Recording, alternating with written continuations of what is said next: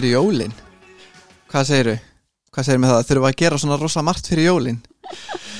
Anna klassin er mættingað til mín, gaman að segja Gaman að sjá þessum með leiðis Fyrir uh, jól, fyrir jól, svona er þetta Nákvæmlega.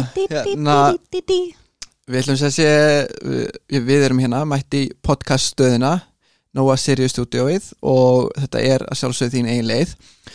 Uh, og er unnið í samstarfið við Laugar Spa Organic Skincare, vöruna þeirra frábæru. Uh, og við ætlum að taka svolítið fyrir hérna jólin, blessuðu jólin sem nú eru að ganga í, í, í garð. Og hérna en við ætlum kannski að taka svolítið svona eins og við erum búin að vera að gera undanfarið uh, í þáttanum þar sem að Anna kemur í heimsó að hérna en fyrir ykkur sem hafa aldrei hlusta á þáttin áður og ekki hlusta á þætti með önnu að þá sem sé er uh, Anna Klassen be- besti vinur minn, besta vingur minn og, og hérna og einn á milli þess að við erum að kynnast fólki og taka viðtölu fólk að þá er ég og Anna að, að taka upp um, svona þætti þar sem við erum að fara yfir alls konar svona svona já aðalega svona mannlegar tilfinningar og að málefni að þannig, svona andli málefni meira. Og uh, og fyrst er að koma desember og, og jólin og þannig það ákveðum við núna að, að taka fyrir í rauninni þetta konsept um jólastress. Og hérna í rauninni finnst mér pínu absúrt að tala um eitthvað sem að mér finnst í rauninni ekki ætti að vera til.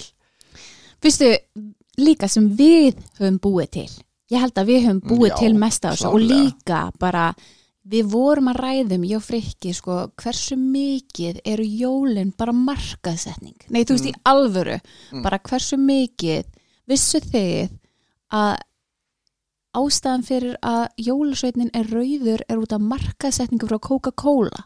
Þú veist, what? Já, Hættu þessu bara, bara þeirra allt treytmark er rosa mikið kringum jólin. Já, og ég meina hversu mikið góstrekkum maður um jólin? Einmitt, Svona, let's be real. Einmitt. En þú veist að sko, ok, kannski ekki allir en það er samt svona, þú tengir þetta rosa mikið við einhvern veginn um, Hamingju. Já, veist. Holidays, Open holidays are happiness. coming Holidays are já, coming. já, oh, og hérna Coca-Cola lestin. Já, halló. Bílalestin Að og jólasveifnin skilur og ég er endur að vera viðkynna að mín svona ímynd af jólasveininu með sem bandariska Coca-Cola jólasveini, Mm. það er svona mín ímynd af svona þessari góðsögnum jólasveinin, skilur, Mhm. svo þetta er maður með íslenska jólasveinina, sem er allt öðruvísi. Það meira bara svona fyrir mér okkur þjóðsaga. Ok, en eigum við samt líka ræðum það talandi um að setja press á mann. Uh, Kaupið ykkur nýjan kjól eða jólakötturinn borðar þig? Nei, byrju, eða tekur hann þig og lætur síðan grílu borða þig nei, hann borðaði held ég. Svarti jólakissi. Já, greið þessu jólakísunir já, nei, líka bara þú veist Hvað gerðu svörtu þetta, þetta er kettinir? samt örgulega ótrúlega gömul saga ég veit ekki alveg upprunna þessar sögu en þetta er samt hljómar eins og svona ótrúlega triksi eitthvað svona marketing tricks eitthvað þú veist, bara til að fá fólk til að kaupa sín í föt. Bara heyrðu, þú veist, það er fátækt og allt þetta Nei, en hérna, setjum press á þau að kaupa nýjan jólakjól eða jólaskó eða, þú veist, það er þú veist, það er- þú veist, fólk gerir þetta, ég meina almennt menna núna kannski í ár út af COVID Mhm. að þá kannski eru jólin að stefni það að vera bara eitthvað allt annað. Og kannski er það gott, kannski er þetta bara svona já, jólin þurfi ekki að vera bara það sem ég er að kaupa mér. Nýja skó, nýjan kjól, nýja jakkaföt uh, bjóða í þú veist 300 matabóð og fara í 300 matabóð og borða yfir með að kjöti, borða Mhm. yfir með að, hérna, konfetti, borða yfir með að kökum og þú veist, for what, why Finnst ykkur ekki líka frekar svona ironic að maður sé, þú veist, á tíma þar sem að vera kærleikur og friður og jörði að þá séum við að myrða dýr og borða úslega mikið af þeim. borða svo mikið af kjöti alveg, bara, Mhm. svona, alveg bara svona yfir okkur af kjöti sko. um, ég, ég er enda að spá kannski ekki það mikið því ég almennt borða lítið kjöt eða ég bara get borða lítið kjöt um þeim það fer bara í magan á mér eða þú veist, ég, ég var svo þungur eftir það. Mér finnst, mér finnst alltaf lagi, þú veist, að borða allskins á allskins tímum en mér finnst bara svo að fyndi hvað eitthvað neginn uh, hvað maður borða mikið af ákveðnu mat á ákveðnu tíma. Og ef mér tengir það, veist, þetta er ekkit við hvað líka minn þar, þetta er bara tilfinningaleg þörf eða tengsl við minningar í raun og veru. Mm. Að, og það er svo slæmt þegar maður fer að, að tengja hérna, mat við þannig. Mm því að ég, ég tek bara eftir, þú veist, mér langar bara í smákökur þú veist, ef ég er að fara að læra þá bara, ég þarf að fara smákökur og mandarínu. Og ég bara, Mm. af hverju? Þú veist, það er bara þetta einhverju tengslum þú veist, líka, ég gat ekki í, hérna, í Michigan, þegar ég fór þanga í februar, þá ætla hann að gefa mig mandarínu og ég bara, nei. Mandarínur eru jólamatur. Bara, Blasphemy. Já, það var, það var bara þannig fyrir mér. Og ég var bara eitthvað já, ok, þið fóðu bara mandarínur allt árið í kring ha, mm. ok, fyrir okkur var það bara þú fær bara mandarínur í jólin. Já, mandarinn í skóin já, það var gæðveikt uh, En hérna jólastress, jólastress. Einmitt, ég veit ekki alveg þú veist, hvað það er sjálfur og því mér finnst ég aldrei hafa upplifað það sjálfur en mér finnst ég sjá það út um allt í kringum mig. Ég veit ekki, ég er kannski eins og reyndar núna það sem ég er að upplifa er að ég er með eitthvað svona pressu á sjálfa mig á að koma sér jólaskap. Svona sem er óksað mikið er svona það að- jólastressið þitt? já, það er kannski, nei þú veist, núna allavega það er svona eitthvað svona, já. Og þegar yfirleitt fer ég í jólaskap, sko alveg fyrir að snemma. Mm. veist, og ég fyrir stundu bara í, þú veist, oktober eða eitthvað, þá er ég svona, mmm, jólin er bara að koma. Og fer svona að laumi púkast eitthvað að svona hugsa um jólin. Og svo stoppa ég mig af, eins og ég gerði núna ég er bara svona, "Ugh, jólin er ekkert að koma alveg strax. Bara, þú veist, róa sig og eins og núna, er aðvendan komin, fyrst að ég aðvendu Mhm. liðin, en ég er samt eitthvað svona byrju, hvað er jólaskapið mitt samt ég ætla að fara í að fara í það oh, eins og við vorum að tala um að því að ég sagt um, tveir mínir fyrirverandi voru, held ekki upp í jólin mm. Og ég bjó Erlendis, ég bjó í Vínaborg og svo bjó ég í hérna, Los Angeles. Mm. og Los Angeles er ekki jólaleg um jólin af því að það er búið mjög mikið að geðingum og þeir trú ekki jólin. Þannig að þú þurftir einhvern veginn og ef þú fegst jólin þá var það svo rosalega fake. Af því þú þurftir að fara í vestlunarmiðstöðina til að sjá svona fake snjó, svona gerfi snjó Mm og fara og uh, sitja í kjöldinni á jólasveinunum og þetta var svo ógæðslega tilgerðalegt ég bara, ég gati þetta ekki þú veist, það er ekki náttúrulega jólaskapið, skilur, fyrir Mm. mér er nefnilega og líka þegar maður elst upp á Íslandi þá er jólin líka bara svo mikið myrkrið, -hmm. jólaljósin jólasnjórin, þú veist Mhm. það er svo mikið í kringum það þannig að því að það er, það er búið að taka það í burtu Mhm. og líka með þegar ma maður er að hanga með fólki sem er í null jólaskapi þá er það bara, ó, það er bara því að það er bara, ég er bara svona, hvað er pointið Mm. og mér finnst það svo áhugavert einhvern veginn, þannig að núna er ég einhvern veginn núna hlakka ég svo til að því ég er að fara að eyða jólunum með einhverjum sem að ég sem að heldur upp á jól og ekki spennt yfir jólunum og ég bara, ú, heyrðu þetta verður kannski bara skemmtileg jól Mm. Því þú veist að tala um samkendina sko, Mm. að, að það er ákveðin samkend í að við erum öll saman að fagna ákveðnum tíma þú veist bara, heyrðu, ok, í desember þá bara höldum við upp á það er hérna þá er jól, Mhm. við höldum upp á því og gefum gjafir og hérna Mm. og hreinsum til og þú veist, og bóðum í ókslega mikið bóðum og þá borða svona og þú veist, hvernig er jólahæðirnar í þér? uh, jólahæðina hjá mér um, ég er náttúrulega ég á ammali á aðfangadag þannig að ég svona tengi náttúrulega þú veist kannski að, þú veist, ég, Erum við að fagna þér um jólin? já, uh, nei þú veist ég, hérna, ég þekki náttúrulega ekkert annað en það að eiga ammali á aðfangadag. Og hvernig er það fyrir þá sem þetta ekki það ekki? mm, Þú veist, hvernig, hvernig er náttúrulega ammálist fyrir mér er, koma bara jólin sko. Mm -hmm. einhvern veginn, það er- verður einhvern veginn svona secondary, hvernig segir maður á íslensku, ég veit ekki, það svona, svona auka atrið að ég á ammali Mm. um, en ég fekk samt ekkert ég fann ekkert endilega fyrir því sko beint uh, þegar ég var yngri, þú veist ég held að mamma og pappi hafa alveg passað einhvern veginn að hald þú veist sko bjóði ammali, Mhm. þú veist að þá átti ég ammali og ég vissi það Mhm. en það var alltaf, ég, teng, ég tengi alltaf bara það að eiga ammali, þá tengi ég bara við jólin Ok, hversu marga gjafir fegstu sem voru svona jóla og ammælsgjafir sem voru tengdar jólunum? það var um, rosa mikið, ég fekk rosa oft þú veist, kerti Um, Ok, fyrir ekki, uh, ammalist elsku fólk, uh, fólk sem að, og sérstaklega krakkar sem ég ammæli desember, ég ammæli 20. desember, þannig Mm. ég fæ smá breyk, mm en ég þóld ekki, þú veist, ég fíla alveg kerti, en sem krakki að fá eitthvað jólasveina kerti, Mm. ég er bara, ég er búin að býði ár að fá e ammæli, mér langar bara í gjafir eins og allar aðrir. mm. Ég samt, veist, ég fekk reynda mjög oft líka eh, veist, eins og til dæmis frá fóldri minnum eða var eitthvað svona ákveð sem að mér langaði sem þið vissi að mér langaði Mhm. og svona, eða var eitthvað svona stort og dýrt skilur þá yfirleitt bara sko, settu það saman í Mhm. eina stóra gjöf skilur sem var það bara hvernig svona ammælis jólagjöf eða þá gaf mér hluta gjöfinni mitt, þú veist, aðeins áður sem var þá ammælisgjöfin og svo jólagjöfin á aðfangadag um, Er Já. sungið jól, ammælisungurinn þú veist, þegar þú vaknar og svo er jólinn klugan 6 eða þú veist, er Já, ég mitt sko, ég fættist þrjára myndur yfir sex bara, þú veist, mér hafði ennþá var að ringja inn jólin, þá var mamma bara Ó.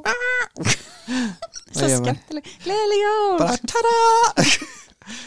Já, einmitt. Ég held mér að segja Já, ok, það er endar aðeins svo too much information, ég þarf ekki að segja frá því en allavega, Ok, nú er ég alltaf forvitum nei, ég held ég hafi nefnilega sko kúkað um leiði komin í heiminn. Mamma sagði mér mann þá sög og ég bara svona, ó, en skemmtileg jólagjöf. Yay. Bara Merry Christmas. Þannig að já, þetta er þannig að þið veit Og það þa- um mig. þa- þetta- þannig þetta- byrjaði ég lífið. Þetta myndi mér samt á hérna var ekki Christmas Pooh í, hérna South Park? Já, er hérna það er, að jóla já, hérna jólahægðin já. Ó, hvað heitir þessu ykkur ekki hengi eða hvað? Já, hengi the Christmas boo Já, allavega, við erum komin já, that's me þannig að fyrir alla South Park aðdándur þá Já. bara ég er hér í, in the flesh. Hérna, nei, en þú veist ég þekki náttúrulega ekki annað en að eiga ammali á þessum degi, sko, en ég hef alltaf verið rosa mikið jólabann En færðu að opna ammálskjöfina skilur á að þú veist fyrrum daginn og svo jólgjöfina Já, en sko, þú veist, ég held að hérna, við vorum átt með sko svona afmælis afmælisbóð Mhm. fyrir bekk, bekk, eða hérna, bekki minni eða dansfélaga eða eitthvað svoleiðis. Uh, eða og, og svo fjölskyldubóð líka þannig að ég var átt með tvö afmæli og svo fyrir jólin skilur við, Mm. þannig að var svona úslega mikið ekki einhvern veginn í kringum þetta uh, þannig að ég, þú veist, þannig að mér er alltaf liðið bara svona, ég áalið afmæli Mhm. skilur við en ég samt sko ég veit ekki hvort það sé út af þessu en mitt áhugað, ég sundum átti þessar samræður við fólk, að ég tengi rosalega lítið við gjafir Mhm.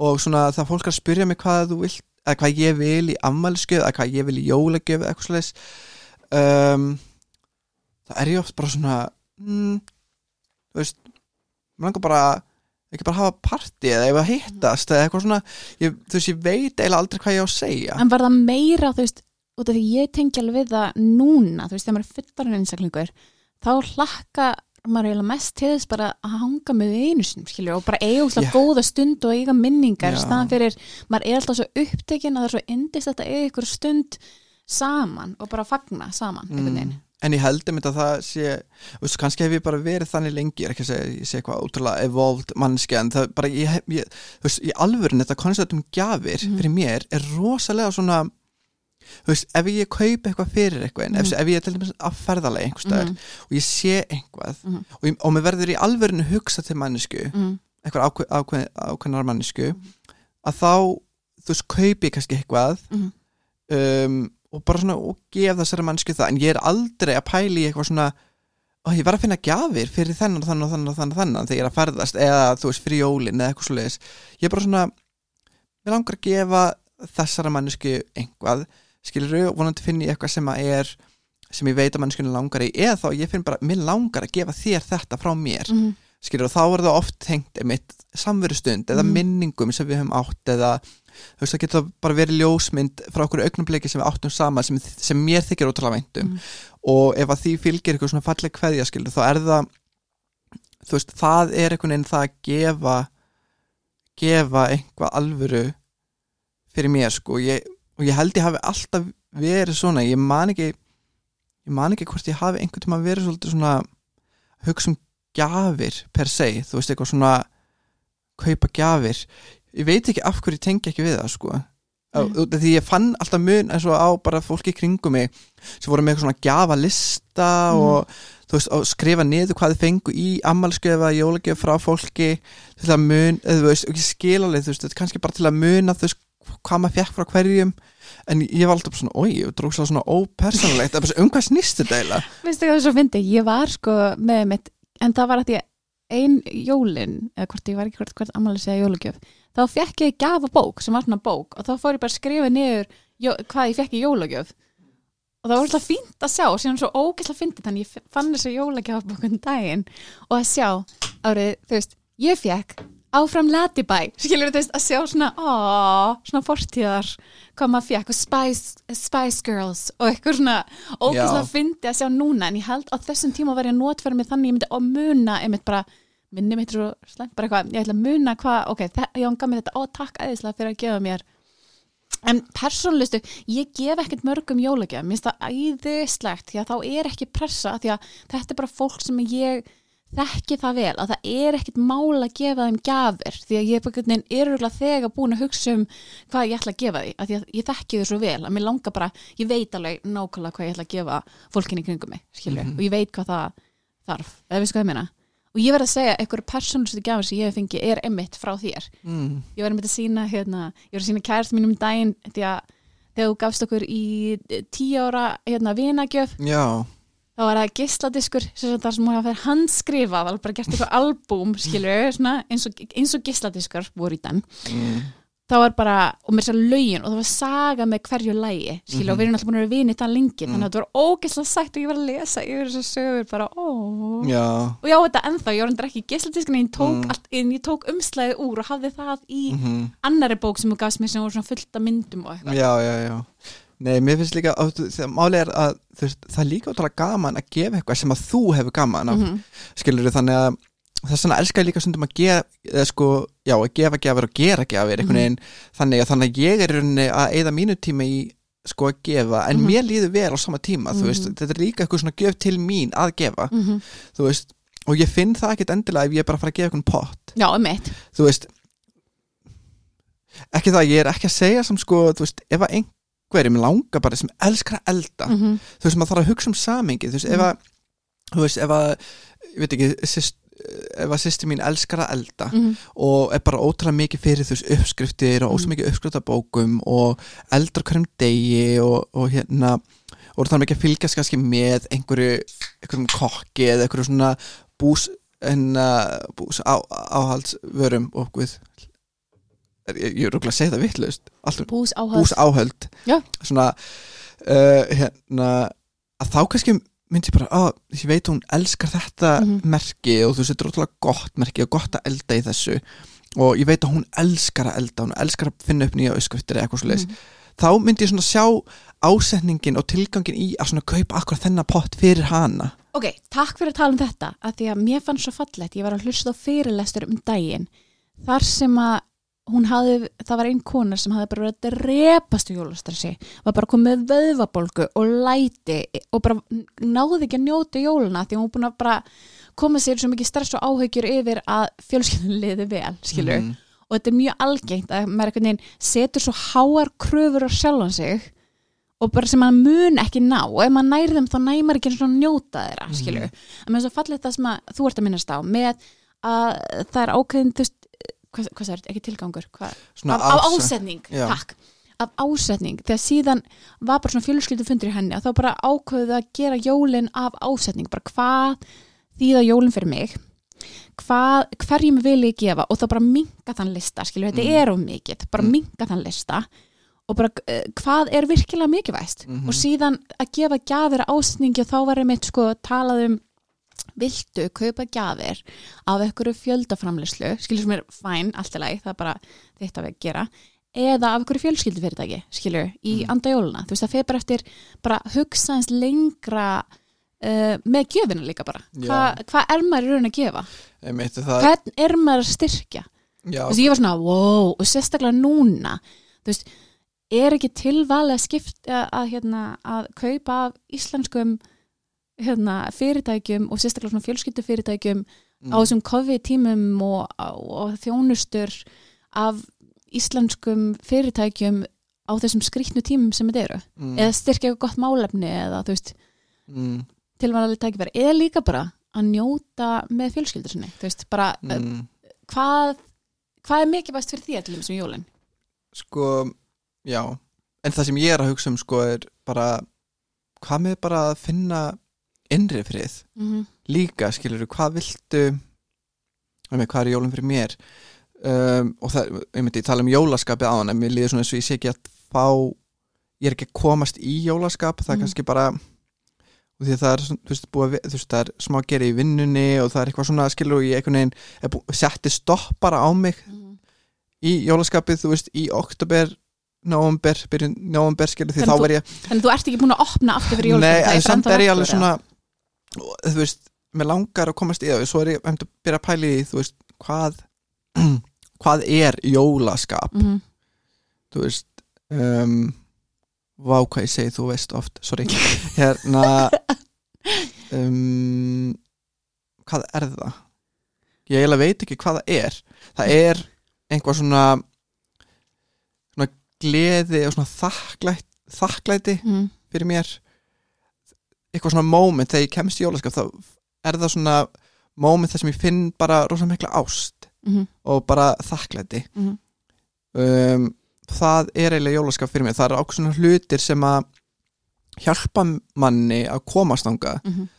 og sumt að ég er tengt sko æskuminningum Mm -hmm. og eitthvað svona eitthvað sem eru bara hefðir í kringum hennan árstíma Mhm. og það er þú veist jólasnjórin Mm. og það er upp jólatrið og jólaskraut og föndra jólaskraut uh, setjast niður á sama tíma með allri fjölskyldunni Mhm. eitthvað svona hátilega, fara í fín föt og, og borða hana mat og heyra klukkuna ringja, Já, skilur já. þetta er allt svona þetta er allt svona mm, sem að um, setur mann í á þennan stað sem Mhm. að þetta jólaskap innra með manni allt innu byrjar að svona að svona krauma inn í manni Líka út af það er annað heldur en þegar maður var krakki, við vorum að tala um þetta að þegar maður er krakki þá er maður búin að býða eftir þessu svo lengi og það er gert veist, í skólanum þá er maður og það fer alveg heil bara það er sleft kennslustum því að þá fæ maður að hlusta á jólalög og skreita og horfa á jólamynd og eitthvað svo er maður að horfa á jólamyndir með þú veist fjölskyldu sinni og svo er maður að fara út að leika og þá er maður að leika á snjóbretti og snjósleða og, og hérna rassaþótu og eitthvað Mm. ok, reyndar, mér finnst ókvæslega gaman núna því að hérna uh, já, ég sé að á kærist á hann og dóttur og þá Mm. fæ ég tækja fyrir að leika mér aftur mm. og við fórum út á snjósleðum daginn og vá hvað það var gaman oh my god, getum við please bara fara að leika okkur og vera Mm. krakkar aftur já, bara Nákvæmlega. fá heitt kakó og voru að horfa okkur á góða jólamynd og bara fara að teikna einhverja jólamyndir og bara Mm. setja jólatónlist og bara, hvað gerði þú sem krakki?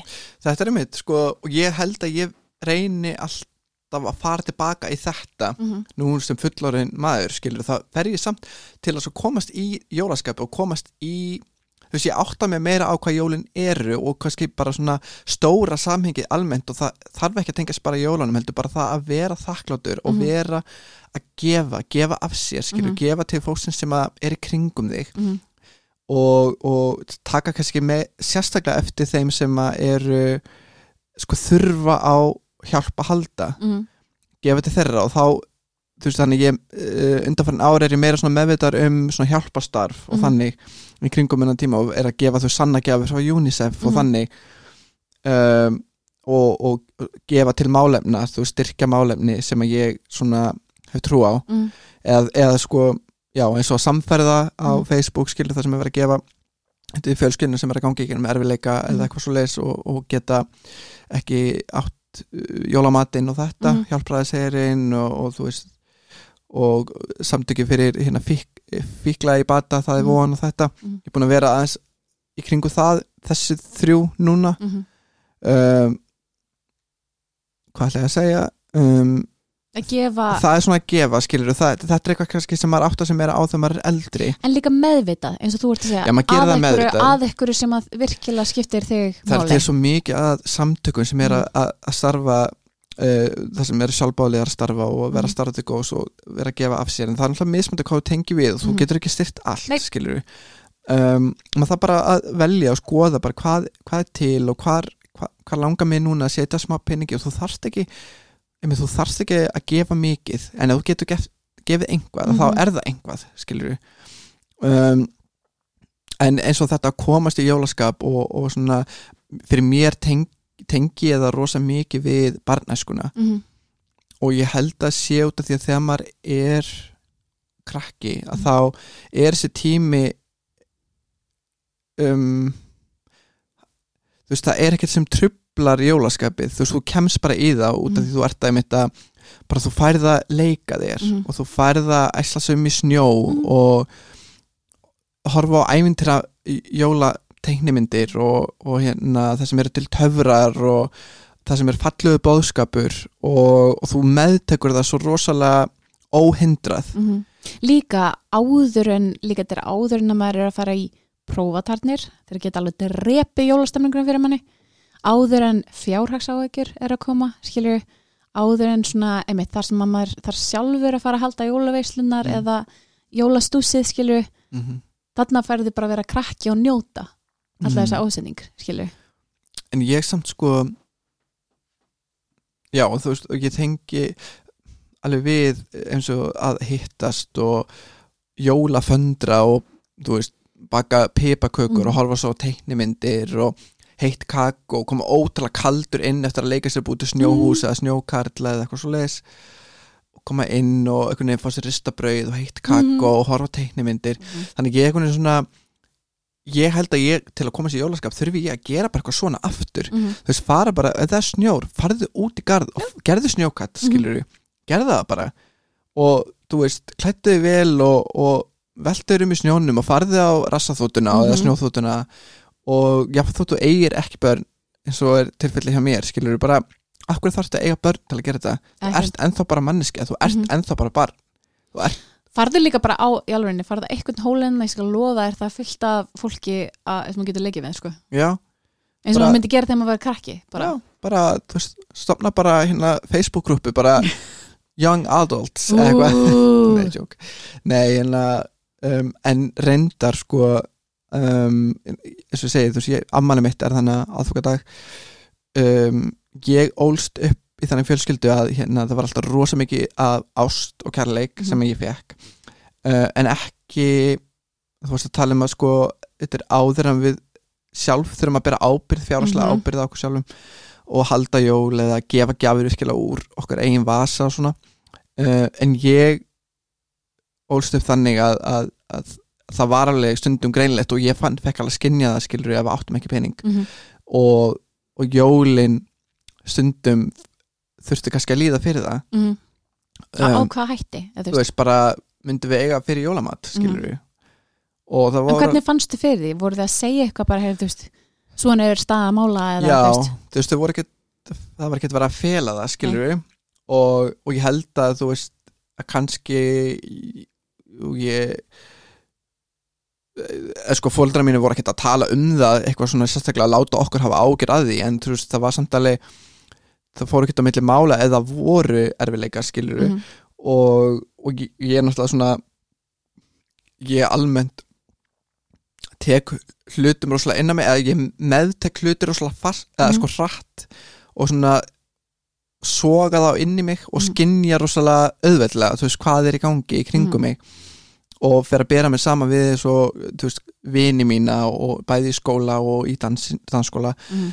og fatta svona já, veist, þetta er ekki alveg eins hjá Mhm. mér og hjá þeim veist, og ég svona já, um, þannig ég fór alveg að hafa fjárhagslegar áhyggjur bara sem krakki, bara þegar ég var áttara þá var ég að hafa áhyggjur af skilur við fægjafina sem að mér langar að fá, þú veist, að ég þorði eiginlega aldrei að vilja neitt og Mhm. kannski, það er kannski ástæði fyrir að ég tengi ekki drosa mikið við gjafir og því Mhm. ég þorði ekkert að óska mér eitthvað eitthvað stórt, mm Mhm. skilur þannig að ég er alltaf bara svo ótrúlega sáttu við bara að fá knús eða bara, Mhm. og því að það er það sem ég lærði skilur og því ég fekk sem betur fer alltaf að finna fyrir því og ég man að pappi mér sagði einhvern veginn veist, og því að einhvern veginn þegar ég var svona 14 þú veist, kannski 12-13 ára þá var eitthvað svona stressaður yfir og matur var ekki tilbúin klukkan var 6 og Mhm. ég var að stressast yfir því skilur og pappi segir eitthvað svona eitthvað frekar minn, jólin koma hvort sem er. Thank you, vá. Jólin koma hvort sem er. Mm bara í alvöru. Og er þú veist, ég veit ekki hvort ég hef sagt pappa frá þessu, ég örglega ekki. En þú veist, en þessi setning hérna satt rosalega í mér ég man svo vel eftir þessu mómenti þegar hann sagði bara jólin koma hvort sem að við borðum klukkan 6 eða klukkan hálf 7 Mhm. eða þú veist, jólin koma hvort sem að þú fær þetta gjöf eða þetta gjöf Mhm. eða skilur jólin eru samt hér hérna inn á Mhm. þessu heimili skilur og, og hérna og það er rosalega mikilvæg leksía þarna sem ég hef tekið með mér Mhm. ég hef kannski ekki alltaf fattað það og um, er kannski bara svolítið að, að, að tala mig gegn það núna skilur við að, að hugsa um þessa gjafir og hvað það er þýða fyrir mér og hvað þær hafa kannski ekki haft það mikla merkingu fyrir mig Mhm. en það er kannski bara út af þessu og því ég vissi, ég gati ekki alltaf að vera að óska mér eitthvað svona endilega þú veist uh, hérna þessara fullkomnu gjaf, gjafar sem mm. mér langaði kannski ótrúlega mikið í, bara mér langaði ótrúlega mikið í þess, þessi föt eitthvað sem kostar kannski ótrúlega mikið Mhm. eða, eða whatever, hvað sem það geti verið um, þannig staðin leiði mér bara bara njóta þess að að veist, að, það, að við vorum í jólatri og við, við vorum mat Mhm. og við vorum eitthvað annað og, og við áttum sjóar til að horfa á jólamyndir Mhm. og eitthvað svona, það eitthvað nefnir bara varð bara nóg og það urðu bara jólin þannig að þannig að þess að einmitt, finnst mér áhugavert að tala um þetta jólastress Mhm. um, út af því að mér finnst það ekki vera eitthvað sem ætti að vera til yfir höfuð. Þetta er bara eitthvað sem að við búum til. Nei þú veist í alvöru, líka bara mér finnst við alltaf setja svipuna á okkur og við setjum upp eitthvað svona það sem okkur finnst vera fullkomin jól en náum síðan engan veginn að njóta þess eitthvað neginn og það er alltaf komið svona meira og meira væntingar, þú veist ég veit ekki hvort það sé að því að fólk er að horfa eitthvað svona fullkomna personur á Instagram sem fá eitthvað hjálp eða ég veit ekki, þú veist, eða við skoðum hérna já, já, hvað, þú veist, að, að sjá eitthvað svona fullkomið, þú veist eins og ég veit alveg það eru sömar sem að eiga börn skilu og eru síðan að horfa eitthvað svona Instagram stjórnir sem eru bara ammalinn þeirra bara eitthvað innst tveggja ára eru bara eitthvað eins og klift út úr magasinni fyrir uh, The Queen. stjórnum börn, bara Já. maður eitthvað fyrir ég, þú veist hún man ekkit eftir þessu eða, þú veist, bara, og þá er sett svona þá tekur maður sjálfur pressa á sig eitthvað neginn Mhm. og sama með þann fyrir náttúrulega eftir hvernig þú ert að hanga með hvernig þeirra vislur eru og fer að, þú veist, bera þið saman en eins og ég segi, svo stúpid þetta er svo heimst, Mm. af því að aðalmáli skiptir, hvað er mikilvægt fyrir þig, Mhm. hvað er mikilvægt fyrir þína fjölskyldu þú veist, hvað gerir jólin fyrir þig og þína fjölskyldu og þú getur líka bara sest niður með þenni fjölskyldu og bara spurt þau, bara hvað er jólin fyrir ykkur, hvað er algjört möst að við gerum saman. Hvað er möst fyrir að, til að búa til þessa til þessi jól, skilur hvað er jólin fyrir þér? Mhm. og bara fókusera á það. Mhm. í staðan fyrir að reyna að gera eitthvað ótrúlega mikið svo ertu svo döðþreyttur og þú ert ekki einu sinni til staðar á jólunum. Já, af því að þú ert bara uppgefin og örmagna. Mhm. það er umulegt og maður vill náttúrulega aðalmálið á jólunum er veginn að vera með fólkinu sem þú elskar og njóta með, með því. Því ég elska eins og hérna uh, hjá okkur er alltaf hefð að hérna, þú veist við borðum að tartalettur og í tartalettinu er alltaf svona gjöf. Þannig að svona Mm. og hérna og uh, það vinnur ykkur þessu gjöf. En málið er gjöf- gjöfin er alltaf spil. Mm. og við spilum alltaf þetta saman. Og mér þykir svo vænt um þessa hefð skilju, að því að það fær mann til að svona uh, hvað sem er, deila meiru og, og vera meira saman, heldur en bara þú veist, já, herri, borðum saman og svo opna allir gjafnar og allir farnir í sitt kort hodnið Mm. að leika sér, eða þú veist Mm. þarna er eitthvað sem allir eru saman þú veist, við erum saman að spila þetta að þetta spil, Mhm. þannig að hérna, mér þykir ótrúlega vænt um það, en maturinn elska, hérna, jólamatinn það er mynd, sko, tartalettur og svo er purustek, Mm. hvaða matur er ég þér?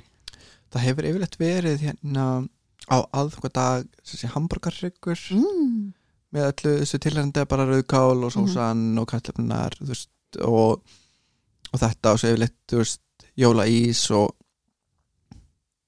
það er yfirleitt aðfangadagur sko. En hefur alltaf haldið í það því að þú hefur búið á ymsum stöðum hefur alltaf náð að fara heim um jólin og halda það? nei, nefnilega, ég, ég held kannski líka að það sé ástæðan fyrir ég er svona uh, því að við, ég og maður minn um, við flökkum á milli svolítið sko, við, hefum búið á rosalega mikið stöðum í heiminum Mm. en við förum svona yfirleitt heim til Íslands yfir Mm. jólin, en það er samt, við erum með tvær fjölskyldur Mhm. og, og hérna um, fjölskyldun hans býr um, sé, í, bor, í borgarfyrði á Hvanneri og stundum erum við þar Mhm. og svo stundum erum við í bænum og ef við erum í bænum þá er það oftast við sem höldum jólin Næs. þessi við sem eldum og við erum kannski bara svolítið ennþá að finna okkar hefð.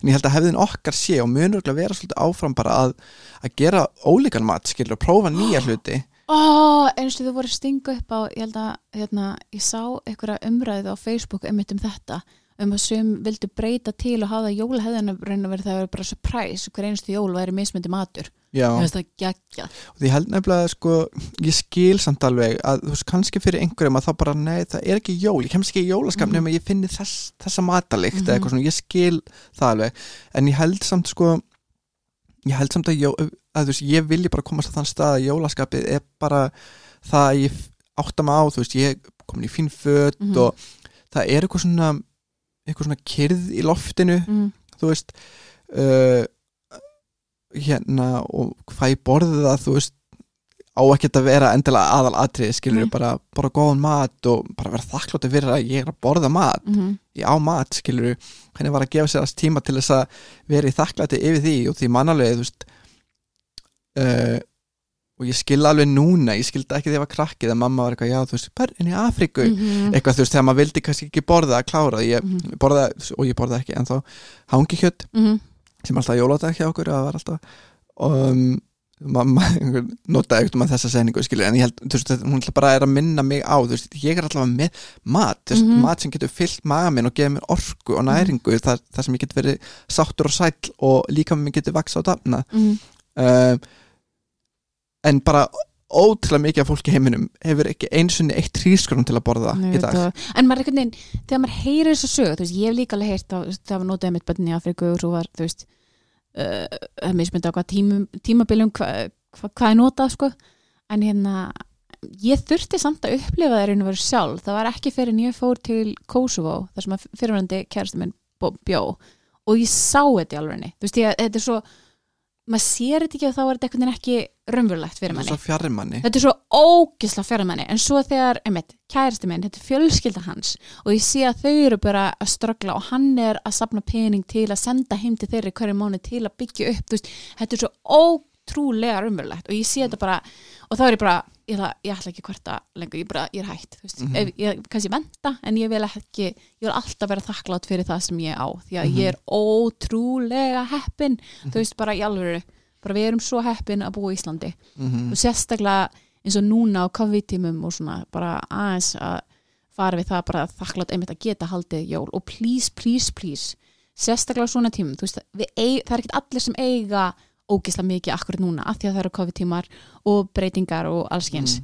að vera það mitt freka bara í þakklætinu bara þú veist, að hugsa um hvað er virkilega mikilvægt fókusera það og gera það besta þannig að það geti notið jólana og séð ekki í að setja ykkur svaka kröfur á okkur sem þið munu ekki ná og munu bara hata sjálf okkur fyrir. Ekki hættum að hata sjálf okkur og, og vera bara alltaf fyrir vombriðum finnum leið til að veist, njóta jólana með þeim sem okkur þykir virkilega væntum mm ég held að það sé einmitt bara málið sko að, að þú veist að við höfum reyndar uh, núna í ár fengið eitthvað svona einsatækja til þess að einmitt að preppa okkur fyrir jólin og Mhm. bara og ég vona að við sem að taka okkur enna tíma sem að okkur hefur verið gefin til Mhm. þess að skoða hvað um, hvernig við viljum enda þetta ár mm -hmm. skilur og hvernig við viljum fara yfir í að næsta skilur og hvað við höfum lært og hvernig við viljum þú veist uh, Líka hvað er mikilvægt, þú veist, í alvegni Mhm. af því að maður er endalist ára úksla margir sem er að, að þú veist, missa sig að gefa ykkur um gjafir sem að í raun og veru, þú veist, í alvöru þarf að gefa öllum þessa gjafir, þarf að senda öll þessu kort, þarf, mm mhm. þú veist, er einhver auðveldara leið þar sem að þú ert ekki að drepast úr stressi yfir Já, einmitt, líka bara það er ekki, það er engin tilgangur Nei. þú veist, það er þessari mannesku öll, mörgum manneskum er bara nákvæmlega saman hvort að þú sett að gefa hann gjöf eða Mhm. senda hann kort mm -hmm. Thank you bara, sorry, þú veist þetta snýst ekki um þig Nei. Þetta er líka pínur svona af hverju þarf þú að vera að gefa svona ógeðslega mikið, af hverju þarf þú að kaupa svona ótrúlega mikið mm. Ú, og takk, að því að þú skrifaðir smá pistil á Facebookinu friðrigagni mm -hmm. um að vera alltaf að gefa af þér Mm bara, uh, þú veist við erum líka að gefa rúslega mikið á okkur yfir höfu og ég meina við tvö, við erum náttúrulega listamenn þannig Mm. við erum, og danskennar og alls mm. Mhm. og eigum það alltaf til að gefa, gefa, gefa -hmm. en gleymum stundum að uh, að þykja og vera í mómentinu og vera virkilega þakklátt og, og bara hætta að gefa svona mikið til fólk sem skipt sem er bara, þú veist, það er alltaf lægi að vera næs mhm, en það er munur að vera vingjallegur versus að gefa allt sem það hefur eins og þetta væri bestu vinuðin mhm Þetta er einmitt máli og ég er búin að reyka mig á þetta rosa mikið á þessu ári Mhm. þú veist, ég, þú veist, ég er að kynna snýð fólki Mhm. og, og hérna og ég er almennt bara svona, ó, þetta er áhuga mannski og hún er að sína mér áhuga Mhm. þá fer ég bara svona, here I am bara eins og fá bara allt, skilur og er ótrúlega tilbúin að gera allt og bara, já, líður illa, bara láttu mig vita bara ef það er Mhm. eitthvað sem ég get gert og eitthvað svona Mhm. bara af hverju ég bjóða þessara mannsku mína aðstóð, skilur, ég hef nóg að gera mm skilur, og þessi mannsku er drullu sama um mig Mhm. Mér fannst það alltaf svo erfitt. Þetta var saman eins og þegar maður verið að deyta. Mér fannst ógislega erfitt að skilja að ykkurum væri þú veist, að ykkur gæti verið að hérna, þú veist, að hitta mig en verið alveg drullu saman mig. Mhm. mér fannst það ógislega erfitt og ég þurfti alltaf að minna á hann bara, Anna, þessari mannsku er alveg saman þig, glimdu þessari mannsku bara glimdu, ég bara nei, en mér langar þið líki við mig. Bara, Já. why, Já. nei, sus glemdi, þú veist, ekki vera þóknast alltaf einhverjum manneskjum sem hef, hafa engan áhuga á þér í staðan fyrir það er fullt af manneskjum hinum megin Mhm. sem elska þig og dyrka á dag og þú bara, nei, en ég er með þau þegar. Hérna, ég með langar í en mín þessi nýja þarf að já, elska þessi mig. sem að þóli mig ekki, bara, nei ég mun breyta, ég, mun breyta hugur. Ég Já. mun, I will make you love me. Bara, þú veist, why, af Já. hverju? En bara þetta er einmitt- sleftu þessari mannesku og fyndu frekar ást og ummyggju frá fólkinu sem þú virkilega dyrkar út á alveg og þetta er einmitt held ég það sem við þurfum að gera núna í desember, ég, ég skrifaði hana pistil skiljaði mjög stuttur. En þú veist þetta var, og þetta var ekki svona eitthvað planað þessu ég bara var að skipta um prófælmynd held ég Mhm. eitthvað svoleiðis og skrifa þetta bara með því. Var bara eitthvað svona var eitthvað sem pussaði pu- eða svona ítti mér einhvern veginn á á þetta topic einhvern veginn að ég bara fattaði þessu bara já, ég er búin að kynnast þessu ákveðnum aðlum, ég ætla að nakkbreyna eitthvað skilur, þetta bara Mhm. svona gerst oft. að, og ég fer einhvern veginn svona allur inn í þennan vin, vinskap Mhm. og áhugan og síni áhuga og geri Mhm. og fatt allt innu bara einhvern veginn ok, það er engin annar með mér einna Nei. ég er bara einn á okkur stóru stóru engi þar sem að engin er Mhm. þú veist, og er bara og búin að, þú veist, dreifa hjartanum mínu lögum við bara út um allt, skilur og það er engin annar hana Mhm. og ég, þú veist, þar sem þú bara svona bakka aftur inn í mig, bara svona, ok, þú þarft ekki að gefa allt. Vá hvað þetta myndi mig á hérna All alone on Christmas Eve. Já, hérna, já, já. Fyndi hvað jólalegu pappi í hugunum hvað lærði þetta ekki Christmas tree hérna, uh, var þetta ekki ekki Michael Jackson. Þannig að lokin Christmas tree, já, ég held að þetta er Christmas tree með Michael Jackson. Christmas Eve. Já, Já. Svona- einmanna svona- á jólanótt Já, heitir þetta í ensk, íslensku Já, takk, ú, og það er ótrúlega falleg útgáð með Brooklyn Five sem að Mhm. þegar þau syngja þetta, Mhm. við líka vera dittu sem sunga, nei, var, það var eitthvað svona klassísk mannskja sem sunga þetta. Það er svo mörg falleg í, það er svo mörg falleg jólalög. Hlustum og ég mæli með því bara líka með þessi jólalög, erum, þetta kemst upp í svona vana og þetta bara fyrir hefið að bara svona, í desember hlusta með jólalög en þú veist, pælið í því þú veist, hvernig jólalög jólalög þið eru að hlusta og pælið aðeins í textunum og takið þið að textana líka inn sumir eru fyrir mitt liti aðeins og væmnir og hérna Ú, eins og hvað? Neða bara já, eins og rást tvið í morgun þá var ég alveg bara, þú veist, næstu farin að guppa en þú ég bara Hvað voruð þið að spila? Nei, það var eitthvað lag sem ég hef ekki heyrt áður og bara svona eitthvað, eitthvað svona en það er kannski líka bara, ég er með pínu svona fóbíu fyrir íslenskum væmnum textum því mér finnst það að vera svo literal mér finnst það að vera svo bókstafleg Æ, veistu, það er svona eitt lag sem ég bara ég kom með eitthvað uppáhald á ég elska núna Þegar þú blikkar Já, Bjöggi og herra Gerði hnettismjör gerð sem ég mun ekki skila. Já, Ó nei. Það er líka, þú veist sá text er ekkert eitthvað svona væmin Nei, skilur mér finnst það bara svo krútilega líka hvernig það er svo góð taktur í Já, og ég já. fíla líka sko, þú veist, það er Bjöggi sem er svona klassík skilur, eldra mannskja og svo er, þú veist, herra hnettusmjör sem er svona yngri kynsla, var ekki herra hnettusmjör Jú, sem er, þú veist, svona, Mm. fyrir yngri kynsluðana og fyrir eldri kynsluðana, Já. þeir koma saman og gera epic jólalag Mhm. sem er fyrir alla, þú veist.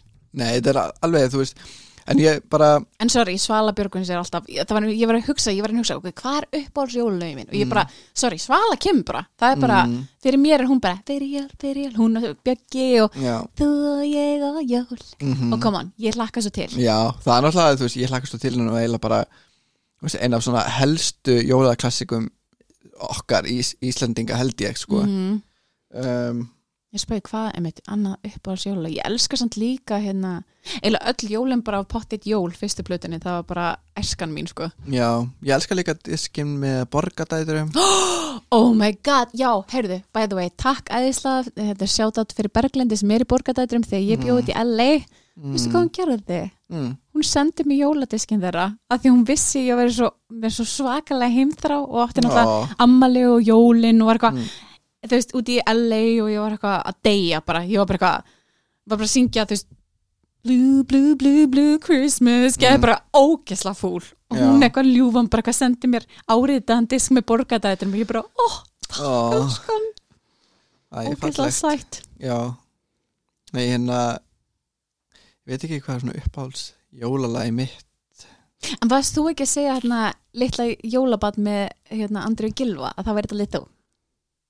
Já, nei, það er ekki Nei, það stúfur. Já, litli stúður Litli stúfur. Sem Ellen Kristján syngur hérna sem sem það er disnum hjá borgarderum. Ég veit ekki af hverju tengi eitthvað óksum ekki vitalag ég held að sé eitthvað svona ég, þú veist, ég hlusta á þetta lagin svona alltaf þegar ég var að fara að sofa.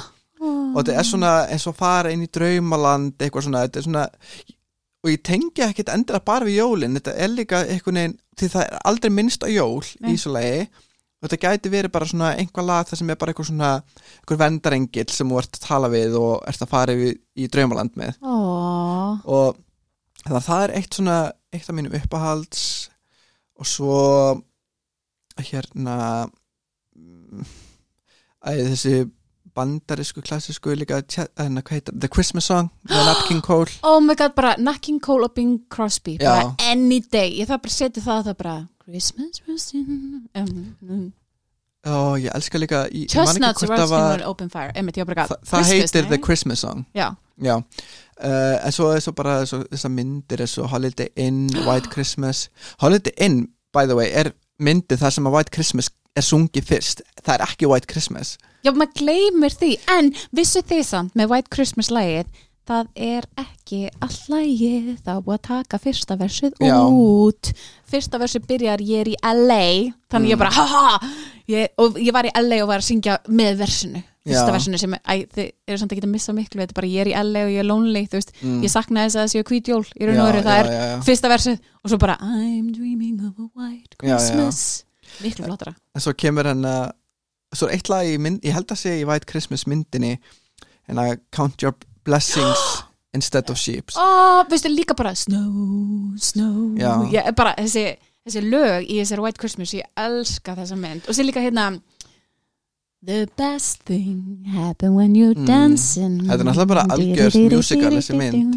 en mér finnst það mitt bara ég held að, þú veist, ég tók bara eftir þessu lagi, ég held ég að sé þessa myndi ég var yngri Mhm. hjá ömmu minni á Mhm. Kópásbrutinni og var ekkert að tengja það mikið við hana, við hana sko, hún er svolítið löng Mhm. og hérna en svo þegar ég horfði hana þegar ég var eldri, ég held ég að horta hana þegar ég bjó í Mílan og þá held ég að horta hana og til að koma með eitthvað jólaskap og þá ef mér tók ég eftir þessu lagi ég held að sé hana Count Your Blessings Mhm. mm. þá fór ég að hugsa um bara svona alveg, svo við erum að tala um bara núna bara jólastress og hv- hvað er mikilvægt skilur og, og ég held að sé þetta Count Your Blessings skilur bara, þú veist, hvað ertu þakkláttu fyrir Mhm. og hvað skiptir máli og hérna og í alvörunni, þú veist, er þess virði að vera, þú veist, bölva í umferðinni og þú verður að koma sér þessa búð til að kaupa þessa jólagjöf eða kaupa, þú veist, þessa steik og því þú ætlar að vera með þetta bóð og einhver mannskja fyrir að, þú veist baktala út, út um alla bæ og þú varst ekki með þessa steik heldur þú varst með eitthvað annað sem var úr bónus eða whatever, þú veist fyrir hvað er að stressa okkur? Já. Hvað er svona mikilvægt? Mhm. þannig að hérna þú veist, ef ég hugsaði bara þannig ég þú veist, það er svo ótrúlega margt og, og, og stundum hugsa ég að þessi tími þar sem við erum að halda upp á jólin Mhm. sem samfélag, skilur eða sem heimsamfélag, það er náttúrulega rosa margir halda upp á jólun á sama tíma í heiminum, skilur þá er svo allur heimur að vera svona samstiltur í einhverju svona gleði og þakklæti Mhm. en við erum samt líka með ótrúlega mjög pressu á það Mhm. uh, en hvað við værum bara einbætt okkur að því dagstaglega að lifa í þakklæti og lifa í að að gefa, ge, þú veist, gefa gefa skilur af ásendingi, Mhm. gefa um, þú veist til þeirra sem að þurfa á því að halda og, Mhm.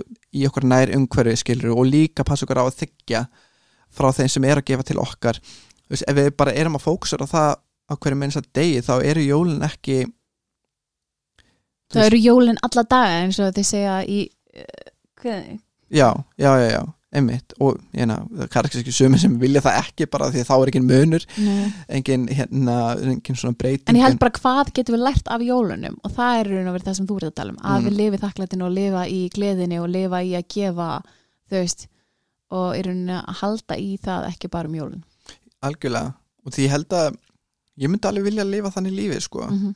Veist, ef, að, ef maður hugsa mér þetta jólaskap og þessi tilfinning sem hellist yfir mann þegar maður, maður næra að komast í bara, oh, nú líður mér vel, nú er ég komin í jólaskap. Bara ymmyndið ykkur að geti lifa þannig ykkur um þess að degi, Mhm. hversu frábært væri það? Því þetta hérna, að við megum hlusta á Last Christmas á öðrum tíma heldur en frá jólunum. Já, bara All I want for Christmas is you. Það, já, ég er spæðið með hvað það er svona klassísk ég já ég er, ég er að taka þátt í áskorun núna Ok. jólaáskorun, hvað er það? þar sem ég má ekki hlusta á Last Christmas fyrir 24. Hættu! Ég er strax búin að feila því ég kefti sko, ég kefti ból, ég er ekki að djóka ég kefti ból sem, sem var með Wha- hérna. Last Christmas og með Wham og fór strax að spila Last ég Christmas menna og ég dansaði elska þetta lag sko en hérna, en við sem sé í vinnunni erum í þessari áskorunni þar sem að hérna og einmitt hérna eini vinnur með þetta er upp á sjólaðinnar og bara, og bara barneskan hennar og hún bara svona shit, en hún er samt alveg til í að reyna að geima það þanga til út af því þetta er upp á slæðinnar En má hún horfa samt á Last Christmas myndina? Því þar er þú veist, lægið náttúrulega í.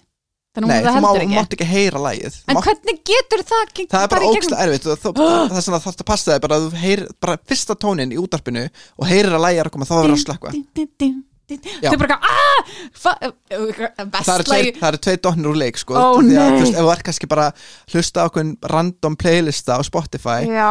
einhvern jólaplaylista, þá kemur þetta lag Já. potið og þú, ef þú ert ekki nógu fljótur að Oh, fatta bara, En hversu langa tími máttu, máttu hafa ykkur nokkru sekundi þannig ef þú ert í búði eitthvað, ég hafa ykkur eitthvað vestla, komið alveg heilan Bara, I don't have ears. Nei, finnið, finnið eitthvað eitthvað út í hotni bara, bara ég get ekki Að að öskra. lag svo bara eitthvað búið þessu bara, hmm, hvað segir, hvað verður að kaupa já, ok, please, þannig að þú serði eitthvað hérna, mjög skrítum í þetta hotni og bara, æ, þetta var eitthvað svona áskorun ég man ekki hver sendi þetta bara eitthvað samstagsfélag minn og hérna á, á Facebook þú getur aldrei gert þetta í Vínaborg í Austuríki þá var bara að spila Last Christmas á hverju einstu gutt Já. sko. Ég man bara að hægt. hérna þegar ég bjóti Ástralíu þá er mitt, hérna er eiginlega sko sumar þegar jólin eru þá er eiginlega heita sér tíminn sko og hérna, og ég var alltaf ammali og þú veist og ég man, og ég var að vinna í rétt hjá svona molli, Mhm. var að vinna hárkvæmstofu og var að lappa í vinnuna eitthvað 20. desember eitthvað bara rétt fyrir jól, bara Afmælisdaginn mínu. já, ég man ekki hvort það var akkur þá en það var svona mjög stutt fyrir jól og og komið jólaskutt út um allt og þú svona 30 stæð hiti og þessum pálmatré Mhm. og svo var búið að skreita sko það voru eitthvað svona risa stór jólasinn ofan á málinu, bara Oh svona my huge stór, skilur við, Mhm. bara svona þú veist þessu mörg tonn, tonn eða eitthvað þú veist, og var svona di- dingla fótunum svona einhvern veginn Mhm. og svo var við að spila I'm dreaming of a white Christmas og ég eitthvað svona þú veist, alveg bara glampandi sól og bara svona ógeðslega heitt í hlýraból og stuppuksum Já. og ég svona yeah, just keep dreaming. En það það er- er ekki að fara að en gera það er akkurat veist, þegar hann er, hann að gera þetta lag Irving Berlin, sér, hann er geðingur Mm. hann er, og, veist, og hann er í LA en veist, þetta er manneskja sem held ég öruglega ólst upp í mið, þar, þar sem að var snjór og síðan ertu þarna í LA er hann að gera eitthvað jólalá þú bara I'm dreaming of a white Christmas því að það er ekki hérna sko. Mm. og það sama í mér, því ég var í LA bara palmatri, þurftir að fara í The Grove til að fá jólasnúin og fara að setja hjá jólasveini og þú veist, ég var bara í null stuði Mhm. það einu stuðurinn sem ég fekk var að því að bandarækjumenn haldi upp á 2005 þannig jóladaginn, skilur 2005 DS og ég var að vinna og að því að ég var í engu jólaskapi þá vann ég í hérna nammibúð Mm. vann á einmitt hérna, bara rétt fyrir jólatíðina og þá komst ég loksins í jólaskap. Af því þá voru, þá voru krakkarnir svo spenntir. Mm. þá fekk ég svona smá í æð eitthvað neginn, þú veist, jólaskapi frá þeim. Ég fekk það í rauninni lánað. Mm. af því ég var bara ekki þar, þannig að þau voru svo spennt og voru í nammibúð, voru fá nammi og einhverju gjafir og bara þú veist, það var svona oh, ok, smá. Ég held að það sé úrlega góð leið til að koma sér í jólaskap bara hangið bara með krökkum. Í alvöru, Og hangi með hérna- krökkum. Líka eins og, veistu hvað er krútlegt eins og aðfangadag, þú veist bróðu minn, eh, hérna, sýsti mín á þessara tvíbura og þú veist, þau voru hvað, þau voru tíu ára þá og hún var, og síðan var hún einsás og það var svo krútlegt að horfa þér það voru að reyna að kenna henni, skilju að, að að ná í gafirnar og Mm. opna og eitthvað, þetta var svo dúllegt og maður var bara hvernig, þá fekk maður svona öðruvísi gleði, skilju, af því að Mm. þegar maður er krakki þá er maður svo rosalega sjálfkörur og vill bara gafir og eitthvað Mm. og svo þegar maður er fullaninn þá er maður að fylgjast með litlu krakkanum og maður bara, ó, ó, hvað það var fallegt að sjá Já. litlu krakkan og finna einhvern veginn einmitt gleðina í gegnum Já, Þau. og þeirra svona, því að þeirra gleðið er svo rosalega skær Mhm. einhvern veginn, hún, því hún er svo ó, svona svo ómenguð Mhm. einhvern veginn, en okkar þessu, við erum að reyna, við erum svona meðvita að reyna að komast í gleði með að krakka bara eru glæðir, skilur það er munurinn, en ég held að þú veist við þurfum að strippa niður þessi lög af áhyggjum og stressi sem Mhm. eru óþarfi, skilur, til þess að bara svona fatta bara, já, ég er actually bara glæður Já, ég er ekki, ég er ekki sem mannska sem er með áhyggjur og, og kvíðin út af því að það er ekki en ástæða fyrir því. Nei, fara bara í það sem maður var þegar maður var krakki. Þú veist, hvað gerður þú varst krakki og varst að koma þér í jólaskap? Bara farð, Mm. farð í það. Mhm. og ef þú nærði enga veginn, farðu þá að finna eitthvað krakka þú veist, og farðu eitthvað hann. Þú, þú myndir örgulega fara í smá gleð ok, ég er að meina þá ættingja eða eitthvað. Freki og bara eitthvað ég ætla ekki að fara að ræna hann um krakka bara til að fara í eitthvað eitthvað- og jólastuð ég byrja að hanga fyrir utan einhverja leikskóla bara, hm, Ói, við vantar í jólaskap hérna er jólaskapskrakki nei, og ég bara eitthvað, eitthvað gríla Ó, já, nákvæmlega, ó, heldur að þannig var gríla til. Já. Líka jólaskap. Fyrirgeðu, hver skrifaði þessa sögur? Eina hvern karakterin er gríla Þú veist, það er allt jólasveinar, mér náttúrulega líka mismundi, koma þetta er eiginlega bara horror story sko, reillingsögur, Já. og svo gríla bara einhver skessa sem að getur krakka. Mm bara, og, um, og kísunar líka. Já, síðan Kisa. er, með kísur er, þú veist, hvað hafið þið á móti konum með og kísum. og síðan reyndar jólasveinar þetta er á móti bara orðin sem byrja á ká konur, kísur, en Mm. líka náttúrulega í raunni, þú veist, kallmenni, þú veist, hérna, jólasveinanir eru náttúrulega, þú veist, í alvöru hafið þið lesið upprunalegu söguna, þetta er svo lesið svona gamla grimsögur, Já, þetta Þeir er eru náttúrulega þannig þeir eru ekkit Það er þetta, ekki góðir nei, þú, þú áttir að gera þetta, þetta er raun bara hótun, settu þetta út í glugga eða þú, það verður stólið á þér mm. Nei, þú þetta er jólin Já. bara, En það er útrúlega margt hérna fallegt, en hvað hérna það er hvað við gerum úr því eins og Mm. þegar þið byggu til að úr jólasunum varði eitthvað fallegt, skilju mm, og sama með jólinu, þetta er að sama og við getum í raun og verið notfært okkur. Mm, Ger, gert þennan tíma að eitthvað sérstöku og sérstaklega þetta ári búið að vera svo mikið vitundavakning, þú veist hvað mm, hvað viljum við raun og veru, hvernig viljum við hafa þetta líf? Hvernig viljum við hafa jólun okkar? Bara aðeins að taka okkur saman, hvað líka okkur við hvað líka okkur ekki við síðustu jól. Mm, og, og bara búið til okkar þægilegu jól, þannig við getum notið og veist, og sett ágjörnar á okkur annan Já, og líka bara þannig að veist, langflestir eða veist, já, langflestir eru, eru fullanir og eru að vinna og eru að sjá um fjölskyldu eða eitthvað svoleiðis Mhm. að eitthvað líður að eitthvað líði þannig að þú veist, þegar jólun eru búin að þið er að snúa aftur mm -hmm. í vinnu eða hvað sem er að, hérna, að þið hafi þú veist, fengið frið og notið jólana Vá og líka þú veist þeir sem eru í prófum því að þú veist prófin er alltaf sett rétt fyrir jól og ég man hversu mikið. Ég hataði svo mikið próf að ég var farin að syngja sko nei nei ekki um jólin. Mm. ég breytti því. Nei nei engin skóli um jólin. Að ég, ég hataði próf sko. Mm. þannig að hérna og fekk alltaf úr þeim á ammælistæmin Mm. bara til hafa mikið ammælið hérna. Ég hanga mér. Að skoða þetta. Okay. en þú veist að nota það þú veist ég veit að þegar ég, mér langaði að koma í jólaskap og ég var bara í endalusum prófum ég setti bara smákökur og setti þú veist jólatónlista og, og tók mér sérstaklega tíma sem ég var bara að læra og svo því ég var ekki að læra að vera að horfa á jólamyndir eða fara til snjóin eða þú veist heyri ykkur um vinum og hittast og þú veist eða við sko mér að gera þú veist jólin er bara það sem við gerum þið að í raun og veru, það er það sem maður lærir á setni árum og sérstaklega þegar maður er búin að fara ellendis og er ekki með partnerum eða veist með, hérna, með mögum sem að halda upp á jól þá fattar þú bara svo mikið hvað þú gerir jólin, þú gerir þetta sérstætt Mm. þú gerir jólin, þannig að hvernig jól vilt þú, hvernig jól vilt þú gera? Mm. hvað skiptir þig máli, hvað er jólin fyrir þér? Mm Ég held að það sé spurningin sem að við skiljum eftir út í kosmosið eftir, eftir þessar umræður í dag að hérna hvað er jólin fyrir þér? Hvað, hvernig viltu að jólin sé raunverulega viltu þau séu, þú veist, þessi gjöf, þessi gjöf, þessi gjöf þetta matabóð, þetta matabóð, þessi matur, þessi matur eða viltu bara finna frið og hamingju? Nú hefur legit ástæðu bara æsori COVID. Nenni ekki, nennir ekkert í jólabóð sorry, ég ætla ekki að vera með jólabóð í ár. Já, COVID, COVID. bye bye Já, og æ, fyrir ekki að ég get ekki hitt þig. Nenni ekki matabóð Herru, æ, COVID. Já, Bara að gjafir, æ, sorry, COVID Þú veist, Mhm. what can you do búin að eðilegja þá afsökum fyrir mér. Oh well. Þannig að við bara vonum að þið finnið um, finnið frið og finnið það sem ykkur langar um, að gera um jólin og það sem ykkur langar að, að finna ykkar jólaskap. Mhm. og setja ekki þessa pressu á að gefa allt og mikið okkur sjálfum og allt og mikið okkur um óþara hlutum og óþara áhyggjum sem að sendur ykkur í eitthvað sem við kallum jólastress því jólastress er ekki til að á ekki að vera til. Þannig að komið ykkur hjá því og spyrja ykkur hvað er mikilvægast á öllu. Og endilega segja ykkur hvað hérna, láta okkur vita hvað eru jól fyrir ykkur uh, á Instagram og Facebook og allir því. Uh, góðan daginn.is Anna Klassen og Freyri Gagni og Dans og Kultúr. Getur við valið einhvað af þessu?